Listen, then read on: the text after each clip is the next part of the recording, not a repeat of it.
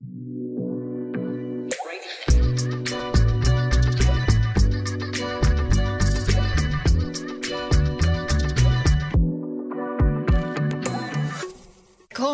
till Break It Live. Vi sänder från Dobbs studio här på Birger i Stockholm. Nordea och Almi Invest är våra sponsorer.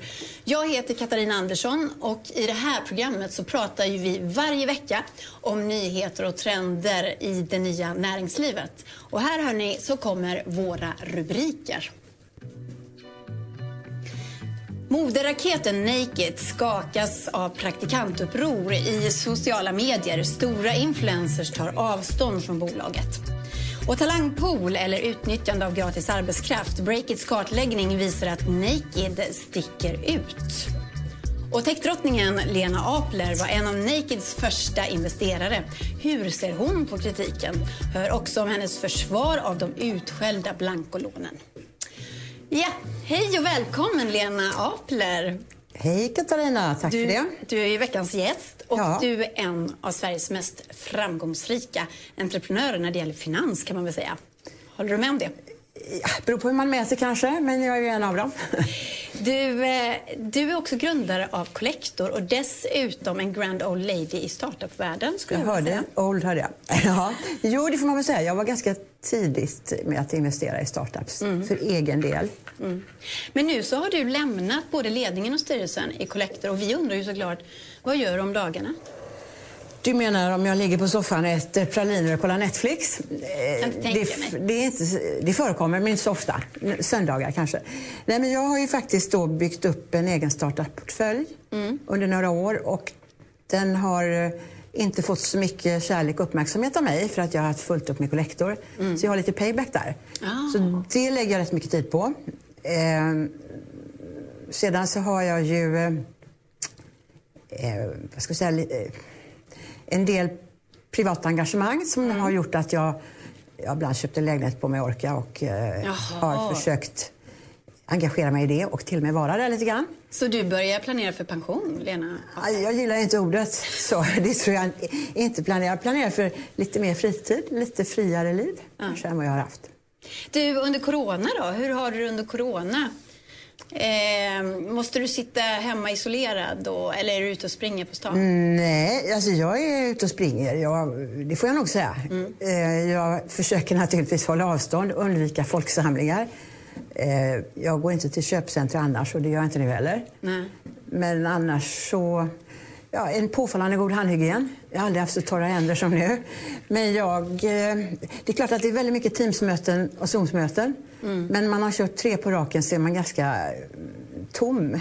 Mm. Det blir inte samma dynamik så jag försöker nog ha en del möten fysiskt också. Mm. Och idag så tog du planet upp till eh, Stockholm från Göteborg. Ja. Hade du munskydd då på dig? Det måste man ha, annars ja. får man inte gå ombord. Nej. Och hur var det på planet? Var det smockfullt? Nej, det vill jag inte påstå. Det var väldigt glest ja. idag. Det brukar vara kanske halvbesatt. Mm. Jag har varit uppe tidigare i höst också. Men eh, idag var det inte det. Vi kanske vi kunde hejat på varandra allihop tror jag. Mm. Du, det är i alla fall kul att ha dig rent fysiskt mm. här och slippa ha dig på länk då. Det tycker jag också. Så vi får väl tacka för det ändå, att ja, det är väl grisken. Jag hade ju lite annat att göra här också ja. såklart. ehm, du frågar vad jag gör på dagarna. Jag har också bestämt mig för att engagera mig som rådgivare i Well Street. Mm -hmm. Jättespännande startupbolag. Eh, VC-bolag ska jag säga, det är inte startup. Utan VC-bolag som investerar i startups som blir scale-ups. Och nu drar man igång en fintechfond. Oj. Och det ligger mig varmt om hjärtat. Så det är det du ska bidra med då, din kunskap inom det bitet? Ja, hela min klokskap och erfarenhet naturligtvis. Men kanske mer fokus på fintech. Mm. Mm. Ja, kul för dem att de har dig med Kul för mig att jag får vara med. du, när du slutade i styrelsen i Collector, mm. Eh, så var ju bolaget ifrågasatt av placerarna ja. och aktien hade ju rasat ja. de eh, tre senaste åren. Kommer investerarnas förtroende för Collector att komma tillbaka, tror du? Det tror jag alldeles säkert. Eh, det var inte så att jag väntade mig att kursen skulle studsa upp när jag lämnade styrelsen riktigt. Utan det fanns ju skäl till kursraset, får man väl säga att det var. Och det var ju att vi gjorde extraordinära stora reserveringar för eventuellt framtida kreditförluster. Mm. Mycket jämförligt till eh, nya redovisningsregler, IFRS 9 och nya reserveringsprinciper. Mm. Eh, men vi gjorde väl den bedömningen i styrelsen då att eh, om vi skulle offra 2019 års vinst och göra reserveringar för framtiden så kanske marknaden tycker att det är positivt med tanke på hur läget ser ut. Och, eh, vi lyckades dock inte med det budskapet. Det togs inte alls positivt utan aktien rasade. Mm. Eh, sen har man kanske glömt att vi också gjorde en nyemission på en miljard så vi har ju tagit in pengar under åren. Mm. Och nu har ju kursen repat sig rätt bra, även om det tar tid. Jag tror ju kanske att eh, 2021 märker man kanske en liten, förhoppningsvis, korrigering uppåt. Därför att då jämför man eh, rätt tal. Mm. Samma redovisningsprinciper 2020-2021. Och då kanske vi kommer lite bättre ut. Det är min förhoppning. Jag är fortfarande stor aktieägare. Eh, det är ju så att eh, sportstjärnor vill ju ofta sluta när de är på topp. Så att säga. Hur kändes det att sluta när inte bolaget var på topp? Ja, alltså det var en eh, lite annorlunda beslutsprocess. För att, eh, som du indikerade så har jag ju då möjligen eh, med ålderns rätt möjlighet att ta det lite lugnare nu. Mm. Och jag hade ju planerat att trappa ner så det kändes som en ganska logisk tidpunkt att göra det. Sen var det lite olyckligt att det kom i samband med naturligtvis de här extra reserveringarna och som tyvärr gav lite felaktiga, felaktiga slutsatser skulle jag säga i marknaden. Mm. Eh, men sen är det också så att jag brinner väldigt mycket för fintech.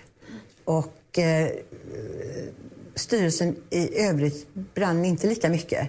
Och då kände jag att men ska jag följa min övertygelse nu så är det naturligtvis att gå fintechvägen mm. snarare än att hänga kvar i bank. Men är det en schism här i nej, styrelsen nej, som du pratar om? inte alls. Utan mm. det är bara, jag menar, fintech är ju någonting som man antingen inte förstår sig på och därmed kanske inte gillar.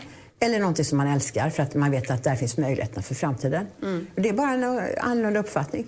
Men tycker inte att styrelsen är dum då om de inte förstår det i Collector? Mm, det kan jag inte tycka att de är. Nej men... Eh, det bara olika åsikter? Bara olika åsikter. Mm. Och jag menar, då får du ta ett strategiskt vägval. Mm. På något sätt. Och för mig känns fintech mer spännande. Jag har jobbat i bank i så många år av mitt liv att eh, det kan jag. Mm. Fintech lär jag mig hela tiden nya saker. Kul och spännande att du är så nyfiken och mm. bara vill dra vidare. Ja. Lena, vi ska prata mycket mer med dig mm. eh, om bolag och annat. Men eh, nu ska vi till veckans hetaste spaning och jag vill koppla in vår reporter Johanna Ekström. Hallå, hej, är du där på skypen? Jag hoppas det. Du, i veckan så har ju Jarno Vanatapio på Naked fått rasande kritik eh, i sociala medier, hans bolag Naked. Det har varit en tuff vecka för Jarno själv och för Naked och eh, Jarno han har febrilt försökt att räta upp bilden av Naked som bolag. Och pudlat till och med. Men Johanna, vad säger du? Kan du bara dra för oss, vad är det det här handlar om egentligen?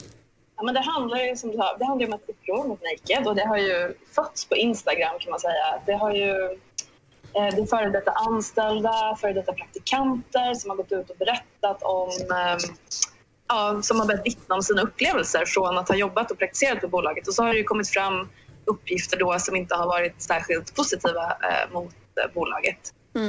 Minst sagt kan man ju säga. Eh, men så det, de, de, har de har vittnat om en arbetskultur som har fått dem att må väldigt, må, väldigt dåligt.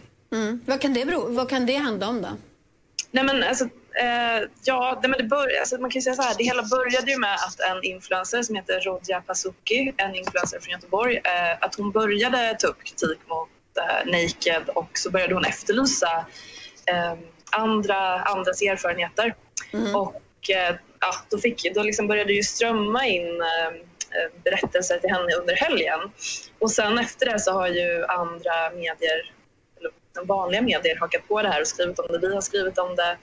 Och sen eh, eh, så Ja, nej men det, ja, vi, och man kan säga så här. Nej men det har ju handlat om diskriminering, det har handlat om mobbning, det har handlat om ja, men, orimliga arbetstider kan man säga, obetald mm. eh, Men, men vad vet vi då, Johanna? Vad ligger eh, bakom, alltså sanningshalten i de här anklagelserna? Är de sanna? Alltså, Ja, eller vad ska man säga? Nej, men man kan ju säga så här, på, på Breakit, jag kan inte svara för allt såklart om allt som kommer ut i sociala medier är sant. Men det som man kan slå fast är ju att för två år sedan så gjorde Breakit en granskning av Naked där vi liksom kunde visa att eh, arbetsmiljön ser ut så här. Där vi kunde visa på att ja, men obetalda övertid, folk blev utbrända. Um, så det, det har vi redan rapporterat kan man säga för två år sedan. Så, och nu slogs det upp på, i sociala medier och har fått väldigt mycket fart. Mm. Och du har också gjort en granskning den här veckan och tittat på praktik praktikanters situation överlag i andra bolag och så också. Hur ser det ut där då? Ja, men vi hjälptes åt lite på Breakit eh, och vi började liksom, eh, göra som kartlägga hur andra... Det finns ju många andra stora liksom, snabbväxande e-handlare som Ideal of Sweden, Daniel Wellington, eh, Nelly som Göran också grundade. Och då tänkte vi att ja, det kanske ser likadant ut där. De kanske har jobbat på, med praktikanter på samma sätt. Så då började vi liksom ringa runt lite och kolla.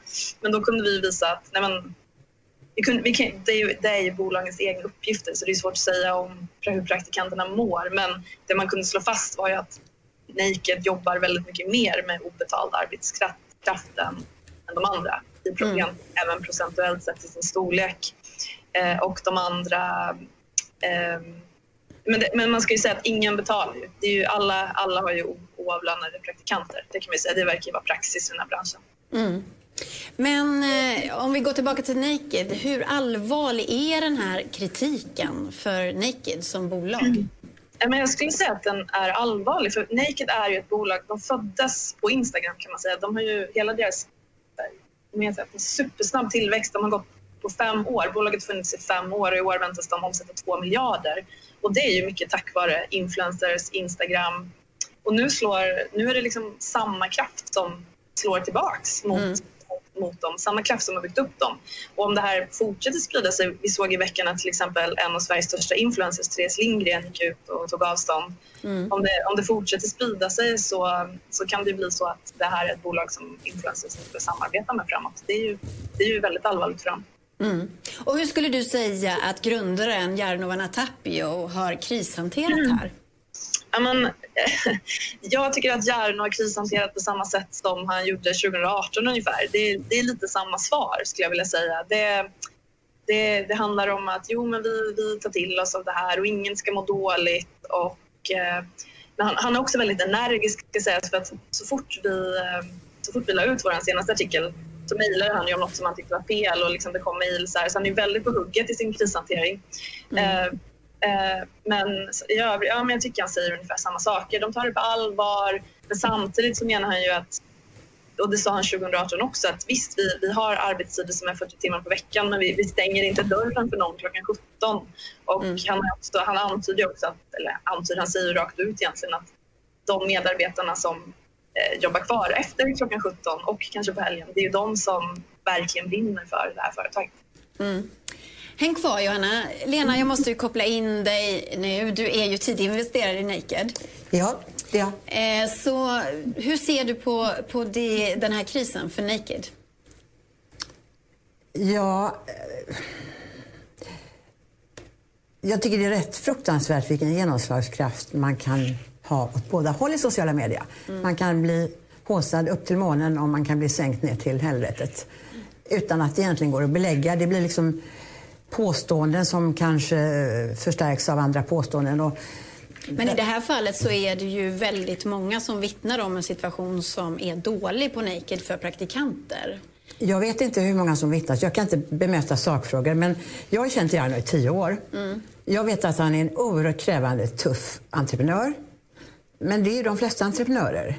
Och det är klart att i tillväxtbolag så är det nog inte så ovanligt att man både har långa eh, arbetsdagar.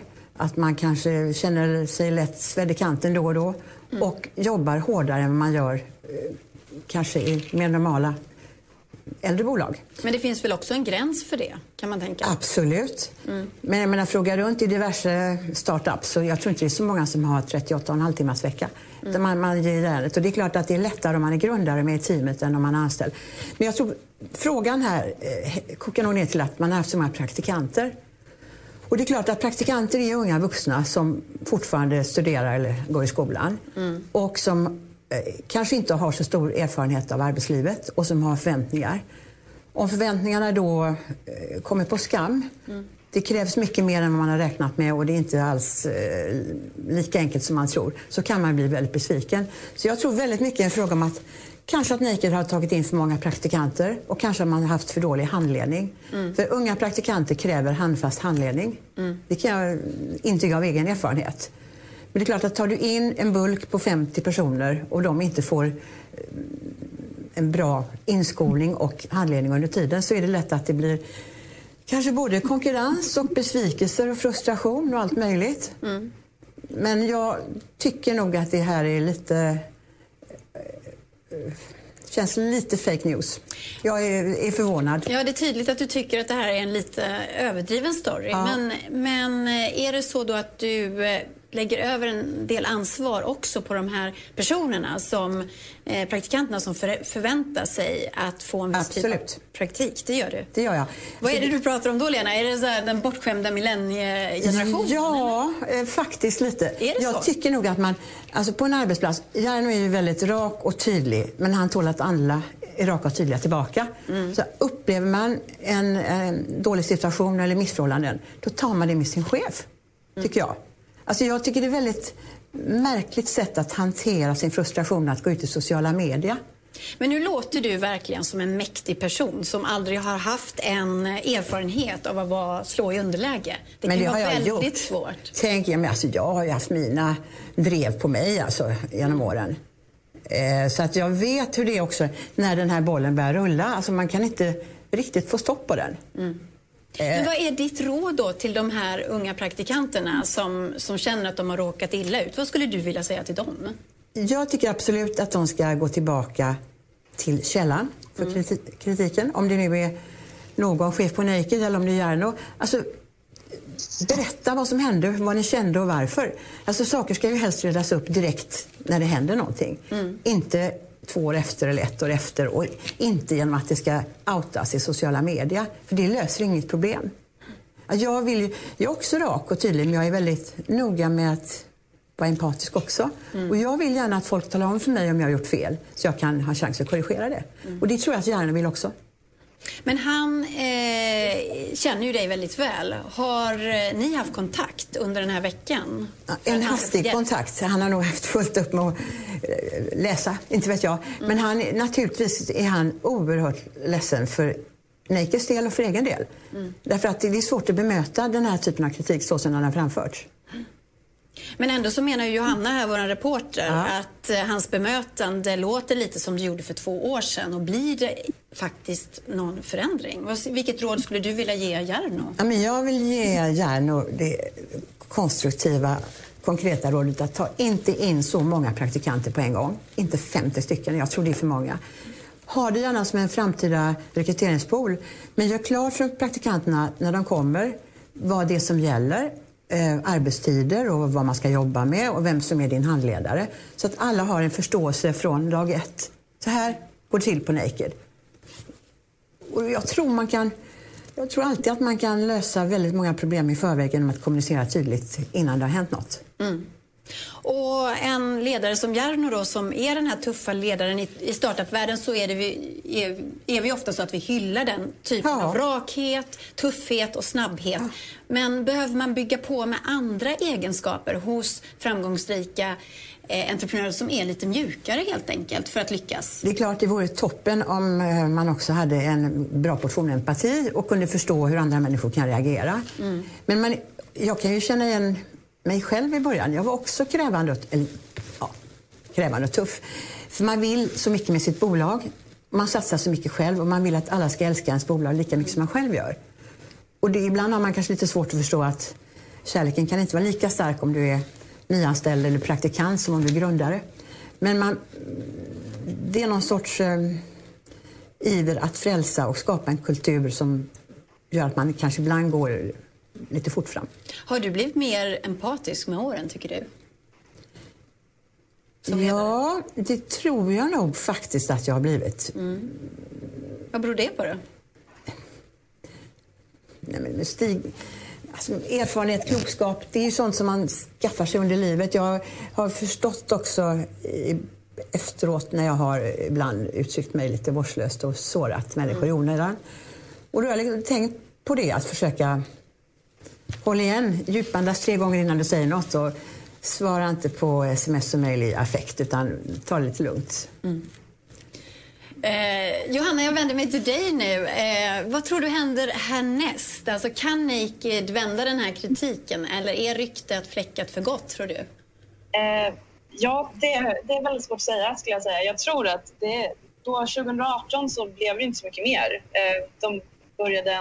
Och jag, jag vill bara säga det eh, också att det är inte bara praktikanter. Jag tänkte säga det, det är också den här före detta delägaren och konsulten Mike Mickelberg som gick ut med namn och sa att han också var chockad över hur, hur Naked hanterade sina praktikanter. Så jag tycker verkligen inte att, ja, jag tycker inte att man kan lägga det här på praktikanterna utan jag tycker att det verkar vara ett liksom, riktigt systemfel hos Naked vill jag bara säga. Mm. Sen ska jag säga också att han Mike har någon slags eh, twist med Naked också som inte riktigt har alla detaljer kring så det måste vi nämna när vi tar upp ja, det, det är väl kanske ett, ett väsentligt faktum. Mm. Pågår det en tvist så kan det finnas ett annat intresse, ett egenintresse att svärta ner Naked. Mm. Vi är bara transparenta och ja. berättar vad ja. vi vet. Ja. Eh, den här personen har ju riktat kritik mot Jarno. Han är ingen praktikant som Nej. Johanna säger. Nej, och han har gått ut med namn och han har gjort det lite för att säga att jag, jag vill liksom hjälpa de här unga praktikanterna att ge dem liksom ett namn, någon mm. som kommer högre ifrån. Men i alla fall.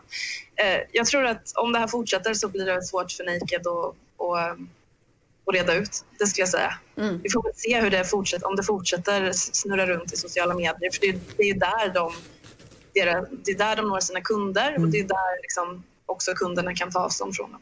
Mm. Tack så väldigt mycket Johanna för att du var med och spanade. Och Lena, vi ska ta en kort paus och så kommer ja. vi tillbaka till dig. Ja. För nu är det dags för vår sponsor Fondia och jag lämnar över till Chris, Christian von Esten. Varsågod. Tack så mycket för det. Jag står här med Anna Scherman, eh, senior juridisk rådgivare på juristbyrån Fondia. Välkommen till Breakit Live. Tackar. Eh, sponsor av Breakit Live dessutom. Vi ska prata idag lite om nyheter kring kvalificerade personaloptioner som eh, många startups kan använda sig av för att locka och behålla talanger. Vad, vad är egentligen skillnaden på just kvalificerade personaloptioner? Eh, kvalificerade personaloptioner det innebär att vissa bolag som kvalificerar sig inom ett visst eh, spann kan eh, ge ut gratis eller väldigt billiga optioner utan att det genererar någon förmånsbeskattning för de anställda. Och det innebär att det blir väldigt, väldigt mycket billigare att köpa optionerna och också billigare för bolaget som slipper eh, stå för arbetsgivaravgifter. Okej, okay, men nu finns det också ett regeringsförslag på gång som ska underlätta detta ytterligare för det här gänget som är intresserade. Vad, vad kan du berätta om det? Precis. Ehm, det finns eh, gränser för, för hur stor omsättning och hur många anställda man får ha bland annat. Och då är det högst 50 anställda eller en nettoomsättning på högst 80 miljoner i dagsläget. Och det här, är, här träffar bara väldigt små bolag men nu är förslaget att man ska höja de här nivåerna till 150 anställda och 280 miljoner. Och den här eh, ändringen är planerad att träda i kraft i början på 2022 och kommer då träffa väldigt, väldigt många fler bolag i framtiden. Det låter väldigt välkommet. Och ni jobbar ju med startups ofta i ert eh, spår som heter Runway. Ehm, hur gör man för att liksom, eh, få till ett optionsprogram? Ja, precis. Eh, det första man ska göra är att fundera på hur stor del av bolaget vill vi avsätta för, för personalen. Ibland kanske man sätter av 10-15 procent. Ibland kanske man vill ha en betydligt större andel av bolaget för att man har vissa nyckelpersoner som man vill ska få del av det här. Och då kan man också få de här personerna att stanna genom att ställa ut optioner istället för aktier i första hand. Eh, så att först sätter man av en viss procent. Sen så tar man hjälp av en juridisk rådgivare för att se kvalificerar vi oss för de här skattelättnaderna så att man inte trampar fel i den här djungeln för det är ganska många rekvisit som man ska fylla upp.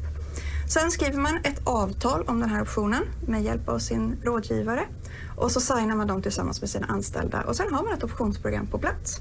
Och vi hjälper som sagt gärna till med det här inom vårt Runway-program. Perfekt. Kolla upp Fondias hemsida och Runway. Tack snälla Hanna för att du kom till Break It Live. Tack Fondia för att ni sponsrar. Åter till studion. Ja, här är alltså Break It Live. Katarina Andersson heter jag och jag har Lena Apler med mig, en av Sveriges mest framgångsrika entreprenörer inom finans. Och eh, Lena, nu är det så här att i det här programmet så får ju våra gäster alltid frågor av tittare. Och du som tittar kan alltså slänga in dina frågor på Breakits sajt eller på våra sociala medier så kommer jag ta upp dem med Lena Apler alldeles i slutet av den här sändningen. Då. Men du, eh, först vill jag ställa några frågor. Du är ju engagerad i 17-nätverket som du har varit med och grundat. Ja. Och, eh, det är en klubb kan man säga för kvinnor som har grundat bolag som omsätter mm. mer än 50 miljoner ja. kronor. Och då tänker jag så här att det här med en framgångsrik entreprenörskvinna, erfaren som du själv, som stöttar andra entreprenörskvinnor, det kan ju kännas lite förutsägbart. Och jag undrar, vad behövs det här stödet fortfarande idag? Det är väl ganska uppenbart. Eh, läste man en av era konkurrenter idag så såg man att fortfarande så är det en förskräckande liten andel av riskkapitalet som går till kvinnor. Mm. Och kvinnor startar bolag i ganska hög omfattning. Men det är ganska små bolag och de förblir små bolag. Man låter dem inte riktigt växa och utvecklas. Mm. Och det är det vi vill, vill promota, att man ska fortsätta, alltså inte bara starta ett bolag och så vara nöjd med det utan Världsherravälde? Ja, inte världsherravälde, men man kan ju bli bäst i eh, Uppsala eller Tomelilla. Eller, man behöver inte tänka så smått. Nej. Eh, det finns absolut de som har ambitioner att bli globala och skala upp. Men överlag så är det påfallande många bolag startar kvinnor som har färre än fem anställda. Mm. Och det är ju jättesynd, för kvinnor är jätteduktiga på att driva bolag. Jag kan ju av egen erfarenhet hävda att det är mycket, mycket lättare att leda ett stort bolag mm. än ett litet. För i det litet så måste man göra väldigt mycket själv. Och man är inte bra på allting, så att allting blir inte så bra gjort som det skulle kunna bli. Ju större man blir, ju fler duktiga människor kan man anställa och ju lättare blir det fortsätta tillväxten och utvecklingen. Okej, okay. ja. det är det du jobbar på. Ja. Och just idag, den 10 december, så välkomnar ni in eh, nya, eh, nya medlemmar. Mm. Det Vilka är de då för spännande bolag? Eh, ja, alltså... Eh, jag kan väl kanske inte räkna upp hela listan för jag kan inte den i huvudet. Men det finns eh, ett bolag som heter, som heter Equestrian som jobbar med ridsportartiklar. Mm. Mode för, det är en ryttarinna som har startat. Mm. Och sen finns det ett bolag som heter Compliant och det som heter Apartment någonting. Mm. Jag tror att det är ett par till. Mm. Nej, du behöver inte, Nej, inte men de tillkännages egentligen klockan 18 ikväll. Så jag känner på mig att jag är lite tidigt ute just nu. Okej. Okay. Ja. Men så utser vi årets bråkigaste också. Just det. Och det är redan ute, så det måste jag säga att det är Helena Palmgren mm. som i 20 år har kämpat för flytträtt och pensioner. Är hon bråkig? Jag skulle säga att hon är mer uthållig och envis än bråkig. Mm. Eh, bråkig, vad lägger man in i det begreppet? Det, ja, det kom från Passion for Business en gång. Mm. Och det kom ju för att Anna heter Bråkenhielm, tror jag. Ja. Det kan heta Bråkenhielmska priset. Och hon finns med och, och Hon är med i juryn. Ja, ja, okay. mm. ja, men spännande. Mm. Och då ska du på gala, digital gala ikväll? Digital gala i eftermiddag innan jag återvänder till västkusten. Mm. Mm. Du, eh, en diskussion som har bubblat och rört sig i samhället ett tag det är ju det här om skuldsättning, att svenska folkets skuldsättning. Eh, både Kronofogden, Finansinspektionen har gått ut och varnat för de här konsumentlånen som bara växer och växer, mm. blankolånen alltså. Och Konsumentverket är också mm. eh, oroliga för det här. Och I grunden så ligger ju en kritik eh, som handlar om att bolag i branschen lånar ut pengar för lättvindigt till människor som faktiskt inte kan betala tillbaka. Att hela det här hjulet snurrar mm. ju av att bolagen kan låna ut pengar. Och så tittar man inte så noga på om den enskilda låntagaren kommer i kläm. Det är väl det som, jag bara försöker måla ja. en enkel bild av kritiken här då. Eh, och du är ju grundare till Collector. Collector har ju eh, blankolån som en stor produkt. Ja. Så. så hur ser du på den här utvecklingen där svenska skuldsätter sig på det här sättet? Hur allvarligt är det? Ja, alltså det, är, det är många dimensioner tycker jag på den här frågan. Dels är skuldsättningen per capita i Sverige hög. Mm. Det kan vi bara slå fast. Sen tycker jag kanske att det är en lite olycklig polarisering. Bolån är fint, blankolån är fult. Just det. det tycker jag kanske är lite förenklat synsätt. Eh, lån är inte fult eller fint, utan lån är en bra möjlighet att skaffa sig likviditet för att köpa boende eller elcykel eller någonting annat eh, som man inte kan spara ihop till just då, mm. utan man sparar lite efterhand. Men jag tror att ingen som lämnar blankolån och är seriös vill lämna lån till någon som inte kan betala tillbaka. För då får man en kreditförlust och det vill man inte ha. Mm. Så stora, stora frågan är hur ska man på bästa sätt kunna göra en eh, kreditbedömning i realtid som är relevant. Mm. Det är någonting som vi eh, kämpar med och som vi har kommit ganska långt med men där vi kommer att ta mycket mer hjälp av AI. Därför att man måste kunna prediktera vilka kunder som på sikt inte kan betala tillbaka. Men är det så du säger, att bolagen idag inte vill låna ut, pengar, eh, låna ut pengar till folk som kommer få svårt att betala tillbaka? Det Absolut inte. Vi vill mm. bara låna ut pengar till folk som kan återbetala sina lån. Men eh, Finansinspektionen till exempel, de ja. tittar ju nu på tre, sex stycken tror jag, kreditinstitut för att se om man gör fullvärdiga kreditupplysningar. Och där verkar det finnas en misstanke om att det inte händer i alla fall. Vi har också alla de här nya bolagen där du lånar digitalt med ett klick. Mm. Det är väldigt ja. enkelt och ja. så vidare. Så visst finns det folk som kommer i kläm. Och vad Absolut. kan ni göra åt det då, ni som bolag? Ja, men för det första så måste vi fortsätta utveckla kreditbedömningsmodellen så att den även i realtid, även om det går på en nanosekund, så måste den vara så sann som det bara går. Mm. Och det, där finns det mycket kvar att göra. Eh, men gör ni tillräckligt hittills då menar du? För att ta reda på det här? Det kan ju gå på en kvart och få... Ja, absolut. Eh, liksom, Men det innebär ju att eh, vi måste ha samlat in data som man kan få lika snabbt innan mm. man fattar sitt beslut. Och det... Eh, jag kan väl tycka att vi har ansträngt oss rätt hårt de sista två åren i att förbättra. Mm. Mm. Och jag tror att eh, det kommer att bli ännu bättre. Jag tror man kommer att använda sig mycket mer av AI. För AI egentligen samlar in så mycket, mycket data du bara kan. Mm. Och sen gäller det att sortera, tvätta och förstå den datan. Och då ska man utifrån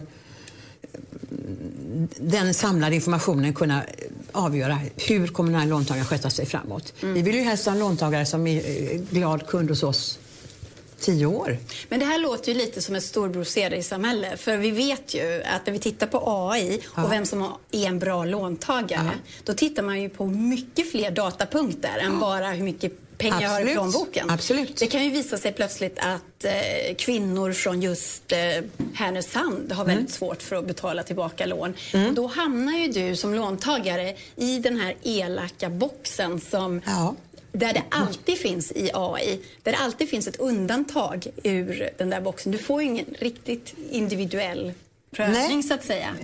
Och så måste det nog vara för att det är en sån enorm volym av låneansökningar att du kan inte sitta och granska dem manuellt. Nej. Då skulle man få vänta i evigheters evigheter på att få besked. Så visst, det finns en integritetsfråga här som man måste vara klar över. Men det är ju anonyma, när man jobbar med AI så är det anonymiserat. Mm. Så man, visst, man kan gå in på postnummer, man kan gå in på tid på dygnet när man söker lån.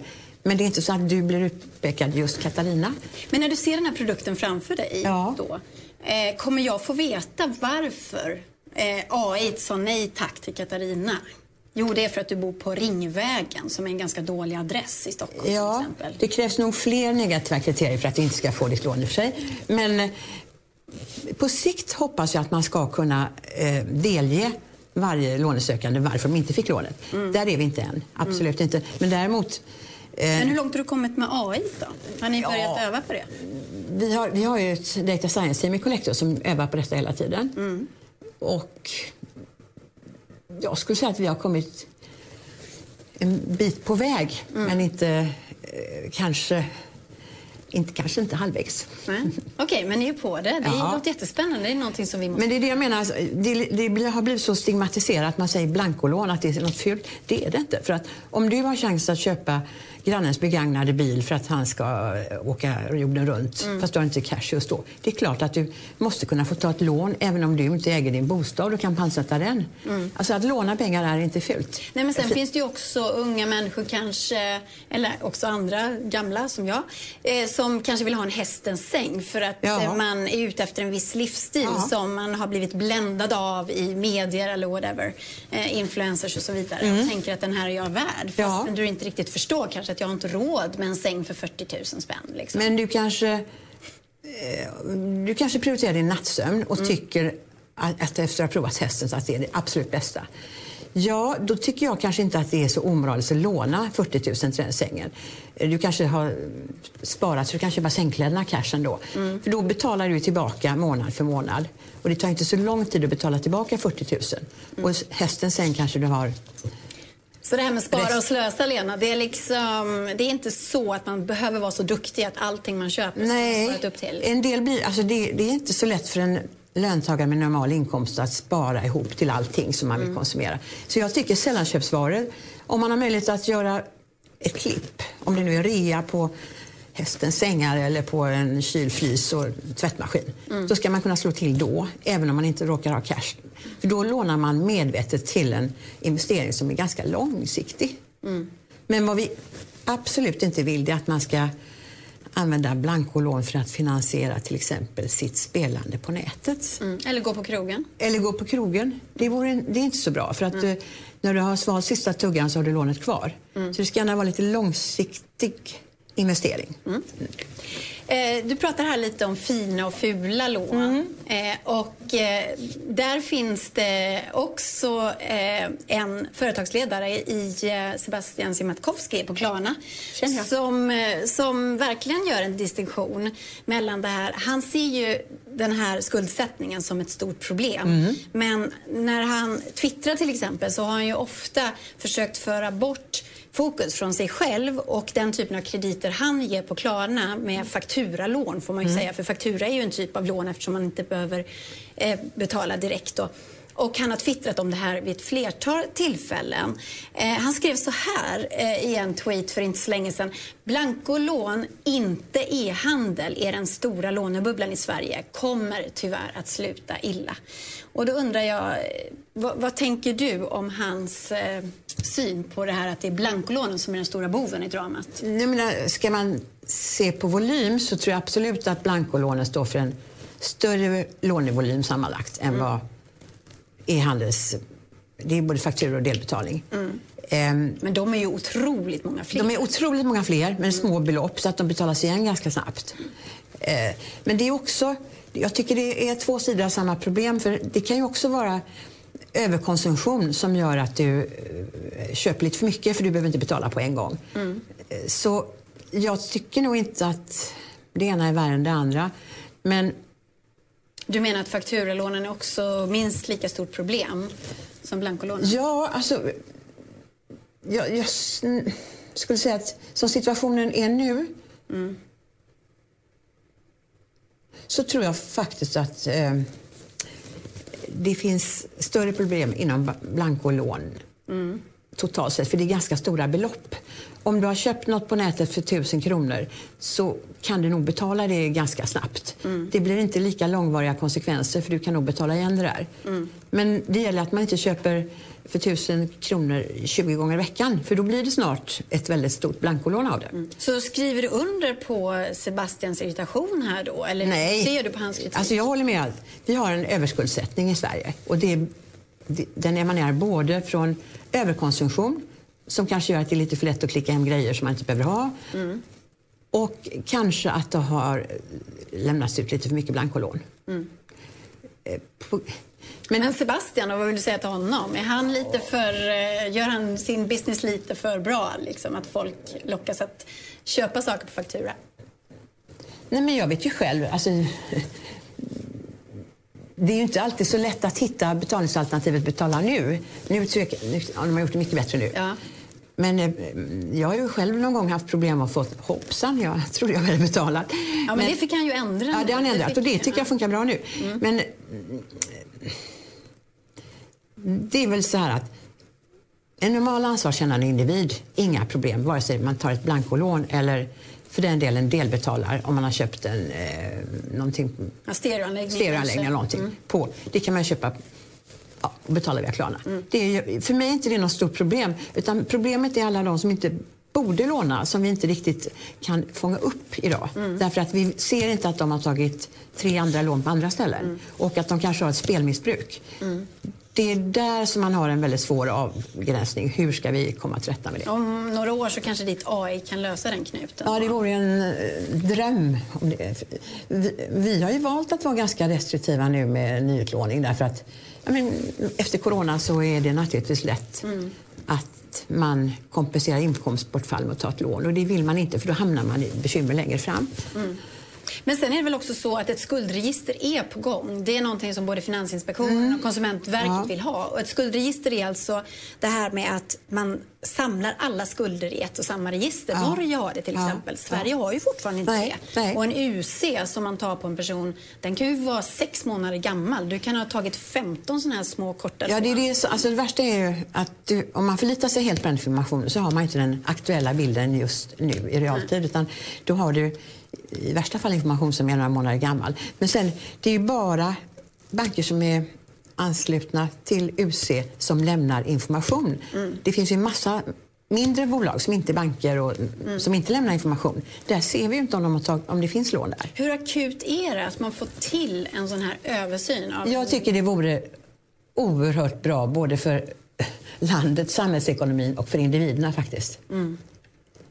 Och naturligtvis för oss kreditgivare. Och snabbt också, Ja. eller? Jag tror kanske inte att det är så snabbt att genomföra men det har varit på tal länge. Jag vet inte om man har kommit någon vart. Mm. Men eh, du har lite smitit under ditt, eh, undan ditt eget ansvar. För. Collector jo då, så, och andra bolag har ju faktiskt de facto lånat ut till människor som har skuldsatt sig. De har inte klarat av att betala. De hamnar hos Kronofogden. Eh, Kronofogden har fler unga människor som eh, ansöker om eh, skuldsanering Mm. än någonsin. Så någon har ju gjort fel och däribland de här bolagen som, som du har drivit. Och även stora banker, alla gör fel. Därför att vi ser inte hela bilden. Alltså vi kan se en bild som visar på en låntagare som ser ut att ha bra inkomst, bra ekonomi. Men vi ser inte hur många lån som har tagits upp i sen tid eller vad som har inträffat. Det kan ju finnas andra skäl till att man har kommit på obestånd. Eh, Och det är det jag menar, att man måste försöka få in så mycket färsk information som det bara är möjligt för att kunna göra en rätt bedömning. För annars är det någon sorts skattning som baserar sig på historiska fakta. Vi hoppas att vi kommer till rätta Ja. med det då. Eh, vi lämnar det ämnet och så vill jag prata med dig lite om Collectors eh, startup-portfölj som du eh, brann för så mycket Mm. Ja. och som du nu då eh, engagerar lite mer i de här startup-bolagen. Jag, jag Dina engagerar mig... alltså? Ja, mina egna Ja. vill du prata om, ja. Nej, nu, jag, nu tänkte jag på portföljen. Jag tänkte Okej. bara så här, för vi pratade på redaktionen om Okej. den portföljen. Collector Ventures talar du om. Precis. Ja. Mm. Och eh, då verkar det som så att den här är såld, portföljen. Mm. Men vi på Breakit vet inte riktigt vilka ägarna är. Vi har inte kunnat ta reda på det och sen har vi frågat runt bland bolagen som faktiskt sitter i den portföljen. Ja. Inte ens de verkar ju veta vem som äger det här. Så kan inte du berätta för oss nu då? Ja, Jag har inte så mycket att berätta, men att det är sålt till NFT som eh, var ett managementbolag som skötte Collector Ventures. Och NFT har alltså tagit in nya externa investerare. Eh, vilka de är kan jag då inte röja, för det har vi skrivit på. Utan Okej. det får ni ta med NFT. Jaha. Men varför ska det vara så hemligt då, vem som äger? Ja, men, eh, de här investerarna är ju idag föremål för ägarprövning hos Finansinspektionen. Och kanske vill man inte gå ut förrän ägarprövningen är klar. När är den klar då? Det får du fråga Finansinspektionen om, för det, det brukar kunna ta upp till tre månader. Kanske lite längre, jag vet inte. Ah, Okej, så vi får hålla oss till tåls där? Ja, Ja. Eh, du, jag satt också här och tänkte eh, det här med en connection mellan dig och mig som eh, jag intervjuar, du är mitt intervjuobjekt. Offer satt- trodde jag skulle säga. så satt jag och funderade på det där. Det enda jag kunde komma på, Lena, du är ju från Aplared. Ja. Mm. Är det en Och- connection? Är du också det? Nej, inte riktigt. Men jag skulle säga att jag har varit där och spelat pingis väldigt mycket när jag var ung. Jag spelade pingis. Eh, Jag spelade alltid mot någon Marie där i Aplared som jag hatade faktiskt för att hon vann ofta över mig och sådär. Men det var en sån ständig fiende i min, Ah. i min pingiskarriär. Jag var väldigt ung, eh, gick på mellanstadiet och så. Men du och jag är i alla fall båda västgötar. Jag Ja. kommer alltså från ett litet ställe utanför Ulricehamn som heter Dalstorp. Du kommer känner jag från... till såklart. Känner du till Dalstorp? Ja. ja, men när man bor i Aplared så känner man Ja. hela markbygden såklart. Ja. Ja. och det som också kallas för Knalleland. Vi pratade om Jarno här Ja, tidigare. han är ju bor knalle. Ja, han är knalle.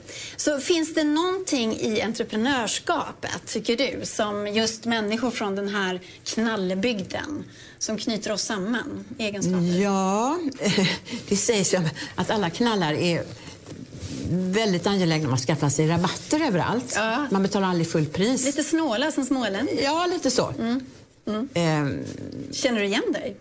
Du som är så rik och har så mycket pengar. jag är nog inte snål. Jag, det, jag frågar Nej, det gör jag inte. Nej, nej det gör jag inte. Men, nej, men alltså, som jag började när jag startade Collector, jag var ju väldigt noga med att hålla i pengarna då. Och det här med löftet om positivt kassaflöde. Ja. Så det spenderas inte många onödiga kronor de första fem åren kan jag säga. Nej. Eh, ja, sen tror jag kanske att knallmentaliteten är ju lite grann att man ska söka sig nya vägar och man ska sälja grejer och man gör affärer på eh, ja, det ena och det andra. Det, det är nog ganska, det finns ju rätt många småföretag, eller fanns i alla fall. Ja, verkligen. Nu, Och mycket kanske- textilföretag. Ja, och nu är det väldigt många mm, e-handelsbolag där istället. Mycket design. Ja, man, kan väl, man kan få vara lite stolt för att man är från Kiel. Absolut, Ja. det tycker jag vi ska vara. Eh, nu vill jag gå till frågorna, för de har ju kommit in här eh, från våra tittare. Eh, och Limpan und undrar, vi pratade om Jarno Vanhatapio på Naked och eh, den kritikstormen som han har eh, hamnat i där. Limpan undrar, sitter Jarno säkert? Eller kan man byta ut en ledare som Jarno som är så starkt kopplad till bolaget? Nu får du min personliga uppfattning då. För det är klart, det är en... Rent eh, juridiskt kan man alltid byta ut en VD Ja. eh, som inte är majoritetsägare. Men eh, jag tycker nog att Jarno är så förknippad med Naked och Naked med Jarno att det vore ytterst olyckligt. Eh, det är ju ingen slump att Jarno först grundade Nelly. Det kan du tala om entreprenörskap. Sålde Och sen- det. Sålde det till Kinnevik och sen Soso.com och sen då Naked som ju har vuxit fantastiskt och lyckats med tillväxten får man väl ändå säga. Långt över satta mål. Eh, jag tror inte att Naked skulle vara detsamma utan är Men om han nu mobbar folk på sitt företag och eh, inte får styr på den här kulturen, är det dags att byta ut honom då? Jag tycker det är en hypotetisk fråga. Jag tror inte att Jarno är en mobbare. Jag känner honom tillräckligt väl för att säga att det är han inte. Eh, kulturen kanske kunde förstärkas och förbättras. Det är väl ett jobb som man har framför sig. Ska du ta honom i örat på nästa styrelsemöte? Jag inte, sitter inte i Nej, styrelsen. förlåt. Skulle Du har bara investerat. Nej, jag, jag ska inte ta honom med. Jag ska ge honom goda råd och pepp om han behöver. Goda råd och pepp till Ja, Jarno. ja. Mm. Ja, då får du återkomma till mig sen när du har haft det här samtalet. Ja. Det vore spännande. Eh, vi har fler frågor här då. Eh, eh, signaturen RA7, ja, skriver vad var utmaningen för dig när du bodde i Luxemburg och jobbade för SEB? Nu måste du först dra den här bakgrunden. När bodde du i Luxemburg och jobbade för SEB? Ja, alltså, mitt första jobb var ju på SEB. Och där jag trivdes så bra så jag var kvar i 12 år. Och under den tiden var jag i Luxemburg och Singapore när jag var på utl- utlandssidan. Jag tror att jag var... Jag har svårt med årtal alltså. Men jag var nog i Luxemburg, det var början på 80-talet. Ja. Och eh, utmaningen för mig då, där, var ett, att få tillräckligt mycket att göra. Det Jaså? var relativt stillsamt kontor, jättemysigt men eh, kanske inte den pulsen som jag var van vid. Den andra utmaningen var att min franska var inte så bra. Så om jag skulle gett mig på de här eh, större utmaningarna så hade jag nog behövt vara där lite längre och lära mig franska. Men eh, sen är det, alltså det är otroligt utvecklande att åka iväg och jobba på mm, ja, en annan marknad och så. Är- Singapore låter också Singapore otroligt rafflande. Ja, ja. Och Singapore var ju kanske mer exotiskt då. var ju då ett centrum för alla nordiska företags verksamhet i Sydostasien. Så Man hade kontakt med hela det svenska näringslivet som fanns där och det var jättespännande. Och sen var det rätt kul att jobba med, all- de flesta var ju lokalanställda kineser. Och det, då insåg jag skillnaden mellan kineser och nordbor. Då var det i alla fall så att man var tvungen att ge exakta instruktioner.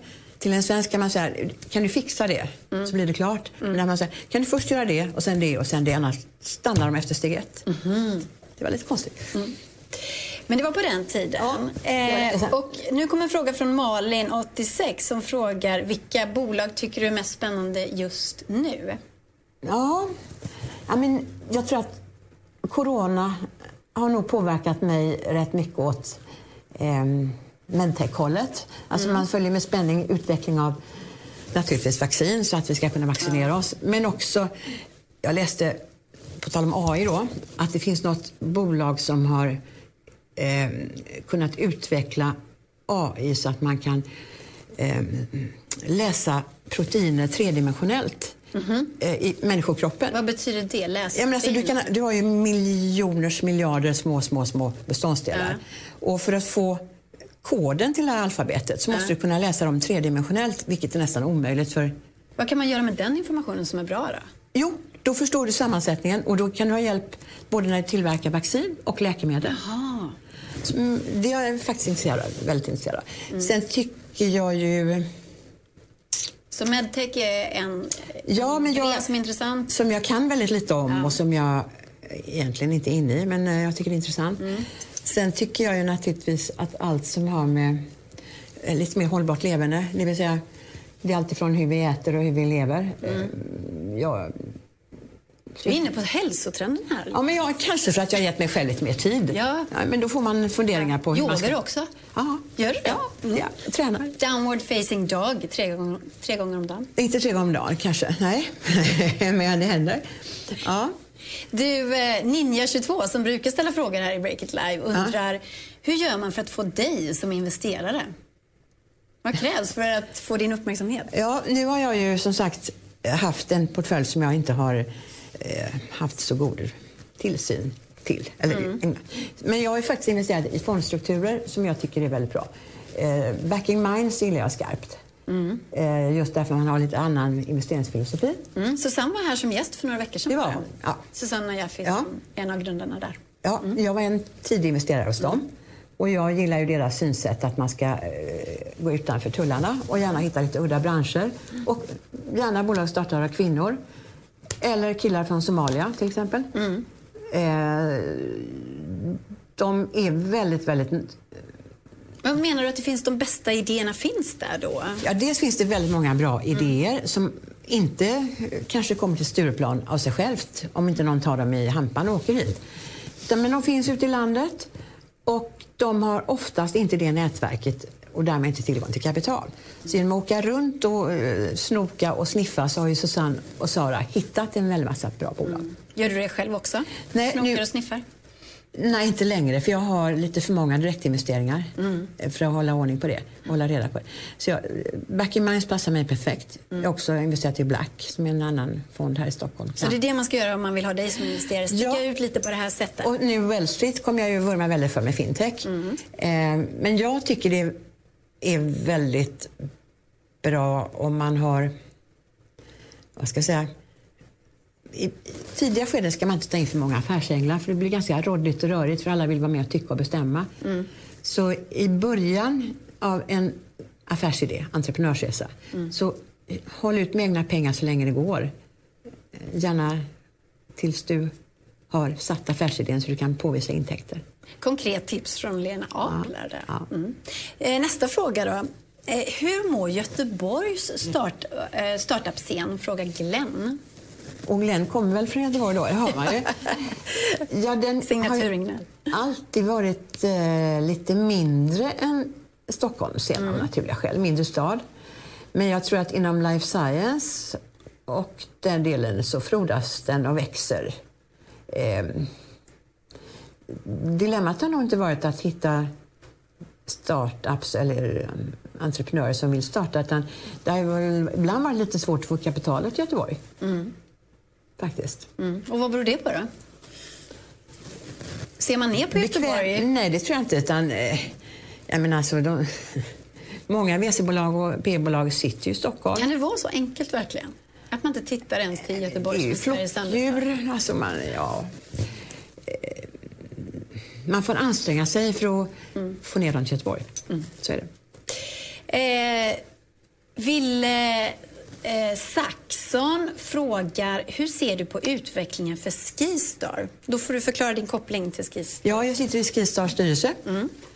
Och Skistar har ju naturligtvis, eh, precis som alla andra bolag i, i eller destinationsnäring, haft eh, ett svårt år med tanke på att vi fick stänga anläggningarna i Sverige just eh, före påsk. Och, alltså framförallt, det svåra är ju ovissheten. Att man inte i, i förväg vet när kommer det hända, kommer det hända någonting? Hur ska man dimensionera personal och allting sånt där. Eh, nu Alltså vi har en fantastisk eh, ledningsgrupp där som har jobbat som små blå. Mm. Dels fick de igång en väldigt bra sommaraktivitet med hiking och biking och allt möjligt på det stället. Och sen har vi då haft en planering, alltså plan A har ju varit att kunna öppna som planerat nu mm. före jul. Och så har man då haft täta samrådsmöten med vården och med eh, Ja. Och än är det inte stängt, eller hur? Nej, nej, nej. nej. Alltså vi, som det ser ut nu får vi lov att öppna. Ja. Man har ju planerat jätteväl så att det inte ska bli köbildning någonstans och mm. all aktivitet utomhus. Det låter svårt, men det ska Nå, gå. Det, det, ja, klart att det är svårt, men det, det går ju. Mm. Alltså en stavlängd i, mellan varandra i liftkön är väl inte så svårt. Nej. Man, så, och, jag menar, I grunden så är det ju av folkhälsointresse att folk får komma ut och åka skidor. Absolut. Så det tycker ju Folkhälsomyndigheten också. För det är de som har varit eh, ska säga, rådgivande till oss. Men hur länge klarar sig bolaget? Jag menar om eh, den här nedstängningen, vi säger nu att man ska vara så försiktig, mm. man får ta in mycket färre folk, kanske blir det en total nedstängning. Det finns många röster som, som yrkar på det. Vad händer med bolaget? Hur länge står det ut? Nu är ju Skistar ett finansiellt väldigt starkt bolag mm. så att vi har gjort scenariot, vi klarar oss väldigt länge. Det finns betydligt många fler bolag som det är mer synd om. Mm. Ja. Spännande. Mm. Eh, du, till sist så vill jag fråga dig, hur ska du fira jul, Lena? Det blir ju en ganska annorlunda jul, eller? Ja, men det blir det. Jag funderade just på det, för jag brukar alltid fira med släkt och familj utanför Varberg. Mm. Det är sånt där öppet hus där... Stort alltså, Stort. många. Mm. Och det får det inte bli i år. Nej. Och det har blivit, eh, det finns ju... Min gudmor till exempel, hon är 93. Och det känns ju jättesvårt så här, till henne att hon inte får vara med. Ja. Hon måste ju få vara med. Ja. Men så finns det ju då en himla massa människor från noll och upp till 93. Mm. Så, du har inte bestämt det låter nej, det som. Nej, alltså jag, för, Ska du trotsa Tegnell kanske och hans regler? Låter det som. Nej, men nu är det inte riktigt jag som värdar den här omfattande julaftonsfirandet. Nej. Utan det är ju gudskelov min nästan svåger och svägerska. Som gör det. Och det har varit så skönt för oss alla för då slipper man åka runt sådär som man gör. Utan då samlas alla där. Men jag funderar på om vi, vi kanske ska ha ett gäng utomhus och ett inomhus. Mm. Och så får man väl kanske inte vara där hela tiden samtidigt utan man får, man får ha slottider. Precis som man har på Och så har med sig en stav, en skidstav som man håller skidstav. avstånd. Och så inte tafsa på skinkan. Igår hörde jag en kille på TV som sa att han tänkte livesända lite på, på Facebook då, ja. i sin ensamhet under julafton för att se om det var någon annan som kunde koppla på sig. Det kanske du också ska göra Lena. Jag tror att väldigt många hade kopplat på sig om du hade livesänt. Tror du det? Ja. ja. Jag ska Men, fundera på det. Ja.